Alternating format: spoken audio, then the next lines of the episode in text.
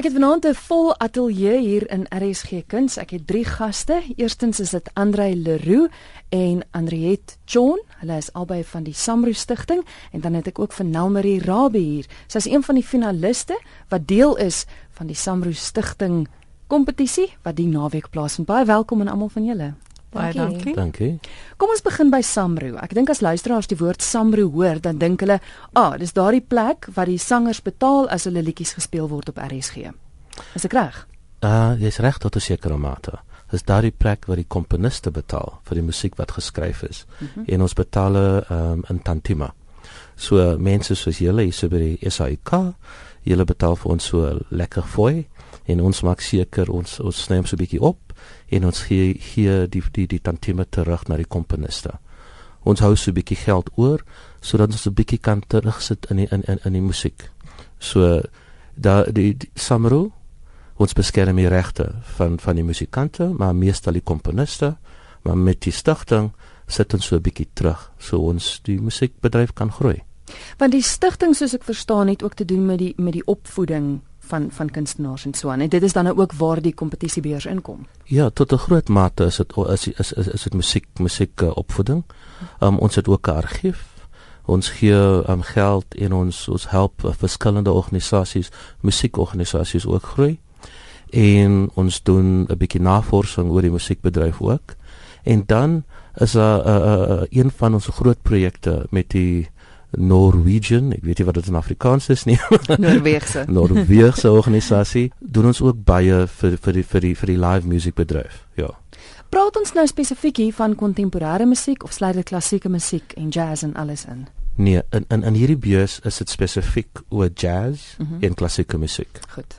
Maar Andriet kan jou veel meer vertel van die klassieke musiek en die jazz en hoe ons eintlik by hierdie kompetisie beland. Goed, kom ons praat oor die beurs. Dis 'n beurs wat eintlik al verskriklik baie jare lank bestaan. Ja, die studiebeurs is dit het begin in met die twee nou 53 jaar gelede toe Samro gestig is, die Suider-Afrikaanse musiekregte organisasie. Ons is nou nie al 53 jaar by Samro nie, maar ons het nou al 'n paar jare ondervinding van die studiebeurs. En die kompetisie was voorheen aanvanklik vir komponiste gereël om die die lede van Samro, die komponiste, ehm um, te ondersteun deur studiebeurse beskikbaar te stel om mense se loopbane verder te ontwikkel maar later van jare het ons ook die tweede genre bygevoeg jazz mm -hmm. en ook vir baie meer kategorieë. So die kompetisie het eintlik 4 kategorieë en dit wissel elke jaar. So hierdie jaar is dit vir sangers en dan is daar ook 'n jaar waar ons um, alle instrumentaliste uh, kan deelneem en dan is daar 'n jaar spesifiek vir komponiste en daar's ook 'n jaar uh, spesifiek vir pianiste. En nou gaan dit uh natuurlik dit is nie net een studiebeurs nie dis 'n studiebeurs vir een wenner in die jazz genre en een in die klassieke as afdeling. Goed, so twee wenners word oorgestuur. Wat behels die beurs? Beteken dit letterlik net dat hulle oor see gaan en daar kan gaan studeer? Die ek sal eerder net wil verduidelik hoe die kompetisie self werk. Ehm um, en dan sal ek jou antwoord later of jou vraag later beantwoord. Die kompetisie is eintlik voorbereiding vir mense wat hulle loopbane wil ontwikkel en verder gaan studeer. Maar ons het ook gevind in die afgelope tyd is dit baie moeilik om met die studiebeurs wat 170 000 rand behels om werklik 'n volle kursus oor see te gaan doen. So die studente of die kandidate kry 'n keuse, dit is hulle keuse waar hulle wil gaan studeer. Mm -hmm party van hulle gaan somerskole bywoon sê nou maar in New York of in Europa of waar ook al hulle ehm um, so 'n tipe van kursus kan bywoon wat meer 'n uh, ehm, meestersklasse is. Ander kandidate en ons vind dit meer miskien by die die klassieke kandidate of die wenners wil verder gaan studeer het sy 'n meesters of 'n doktorale studie in het sy sang of klavier of wat ook al en die keuse van die repertoire vir hierdie kompetisie is eintlik 'n baie belangrike deel en voorbereiding wat kandidate moet doen. Ons het nie vooropgestelde lyste van musiek waaruit kandidate kan kies nie. ons het wel 'n voorgeskrewe werk waaroor ons later bietjie kan gesels wat alle kandidate moet doen maar dit is 'n groot verantwoordelikheid vir 'n kandidaat om te sien watter keuse hy of sy gaan maak vir hierdie kompetisie en hulle moet verskillende musiektydperke en verskillende tipe van stukke uh voordra. En hierdie jaar vir sangers is dit baie uh interessant om te sien watter repertoire die kandidaate wel gekies het. So hulle het die voorgeskrewe werk maar dan ja. ook hulle eie eie Ja, die keuses wat hulle.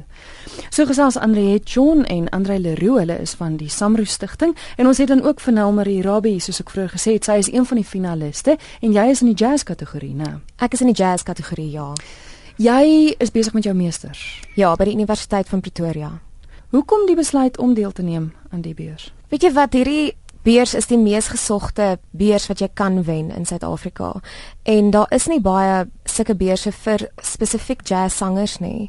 So en ek ek voel dit is 'n ongelooflike eer om deel te wees van hierdie kompetisie. Ek is gelukkig dat ek nou vir die tweede keer deel is van die kompetisie. Ek was 8 jaar terug toe ek nog baie jonk was, was ek 'n semifinalis en um, ek is baie bly om nou weer deel te wees daarvan. So ja, dit is vir my baie opwindend. Daar het geweldig baie gebeur in 8 jaar. Pak jy die kompetisie anders aan? Voel jy anders? Doen jy dinge anders? Definitief. Um, ek dink ek het baie meer ondervinding um opgedoen die afgelope 8 jaar. Ek het baie meer optrede ondervinding, ek het baie meer ondervinding wat um klas gee aan betref en ek kry ook op op weet op hierdie stadium ook nog klas vir my meestersgraad. So definitief, ek was um die afgelope 8 jaar was ek deel van die groep La Diva. Ons het die ons het die land vol um getoer. Ek dink RXG speel een van ons liedjies like a feather ek het ook ek het met my solo loopbaan aangegaan in 2011 en ek was ook oor see vir 'n rukkie waar ek opgetree het. So die repertoire wat ek gekies het vir hierdie jaar se kompetisie is grootliks deel van my meestersgraad se repertoire wat ek gedoen het vir my uitvoering in Mei. So ja, definitief sal ek dit anders aanpak hierdie keer en ek sien baie uit daarna om saam met die jazz trio te werk. As jy nou sou wen, Wat sal jy doen met die beurs? Want ek weet Andre het dit nou genoem dat elkeen het 'n keuse van van wat hulle wil doen met die geld. Wat wat sal jy doen? Ja, ek dink New York is nogal 'n groot jy weet 'n goeie opsie vir my. Um, hulle het nogal somerskole en um, ek sal baie graag Berkeley wil gaan wat wil gaan uitkyk en daar's 'n jazzsanger Kurt Elling en hy gee meestersklasse in New York. Hmm. So dit sal 'n droom wees wat waar word as ek hom kan ontmoet. Ja, hy's hy's in my uh, jy weet vir my is hy die beste sanger wat ek al ooit teëgekom het. So Mag ek ja. net sê sy het met sterre aan haar oë gekyk na Andre. ja. ja, ek het gehoor en gesien. Ja. Dis nou haar keuse, maar kom ons praat gou oor die voorgeskrewe werk wat jy het. Uh, Andre, het jy nou vroeg genoem dat ons bietjie daaroor gaan gesels? Soos Andre voor, voorheen genoem het, dit is um, vir ons ook baie belangrik om opdragwerke te gee aan Suid-Afrikaanse komponiste.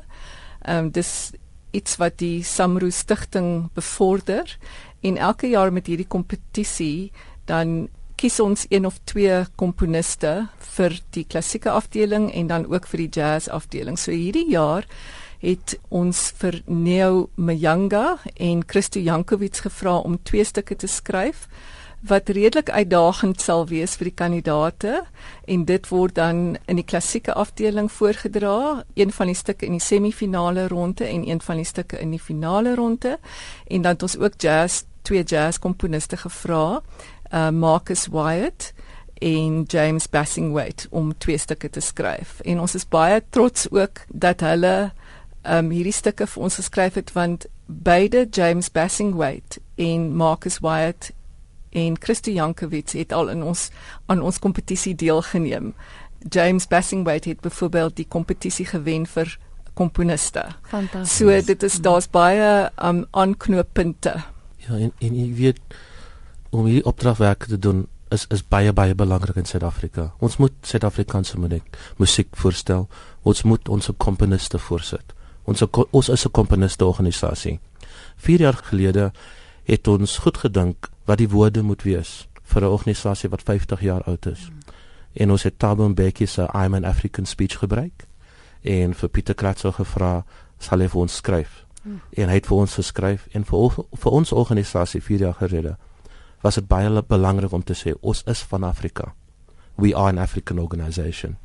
Hierdie jaar praat ons van 'n droom uh jare van nou af as 'n mens terugkyk van 2030 af. En dit is die kunstenaars wat meestal terug kan kyk en vir ons 'n bietjie dink aan wat lê voor. En dit is die tema van hierdie jaar se kompetisie. Ons kompetisie is ook soos Naomi gesê het, het vir 8 jaar gewag om weer in te kom. Dit is nie dit is nie net oor die geld nie. Die geld is lekker om vir Kurt Elling te gaan sien. Ja. ja? Saam met hom te werk. Maar maar wat van wat wat wat van meestal belang belangrik vir ons is is dat iemand soos Nalmeri sy weet as sy tweede kom of sy wen of sy is deel van die kompetisie amongst the peers tussen al die mense wat meer ding dink hulle sy is een van die beste. En partymal gebruik die die ouens nie die beurs ook nie. Hulle wag so bietjie mm -hmm. want hulle loopbane gaan 'n bietjie verder. So want die ander mense dink, "Jesus, jy's goed. Nou moet ons vir jou 'n bietjie laat oefen saam met ons." Ah, verstaan. So en ja. dis hoekom mense hierdie kompetisie that's why they hold it in such high esteem. Want it it it it sets you apart from the best of the best. So die geld is goed en die geld is belangrik. Maar vir 'n musikant, vir 'n komponis, moet die werk uitgaan. Jy moet oefen. Jy en daar daar gaan jou loopbaan veel meer vorentoe. Dit skep daai platform. Ja. Nou die wonderlike ding is dat die luisteraars na die kompetisie kan gaan kyk. Julle het nou 12 finaliste wat deelneem donderdag aand. Dit is 6 in die in die jazz kategorie, 6 in die klassieke kategorie en luisteraars is welkom om dit by te woon.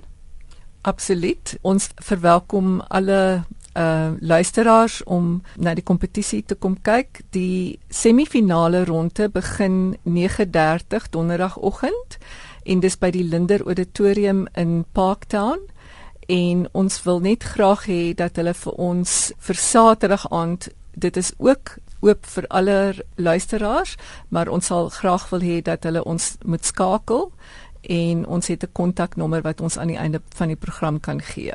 Goed, want donderdag tree dan nou 12 op. Hoeveel word dan gekies om Saterdag deel te neem? 4 4 maak dit deur Saterdag toe, 2 in jazz en 2 in klassieke musiek. Die nommer om te skakel vir die luisteraars wat wil. Dis 011 712 8417 en die luisteraar sal praat met Nasima. Daar's ook 'n klein passelletjie wat ek moet nou sê. Um, hmm Um Gerard Sokoto is een van ons beste uh, visuele kunstenaars. Ons doen ook 'n uitstalling van sywerke en afdrukke van sywerke sal te verkoop wees op die aand. En hy was ook 'n komponis.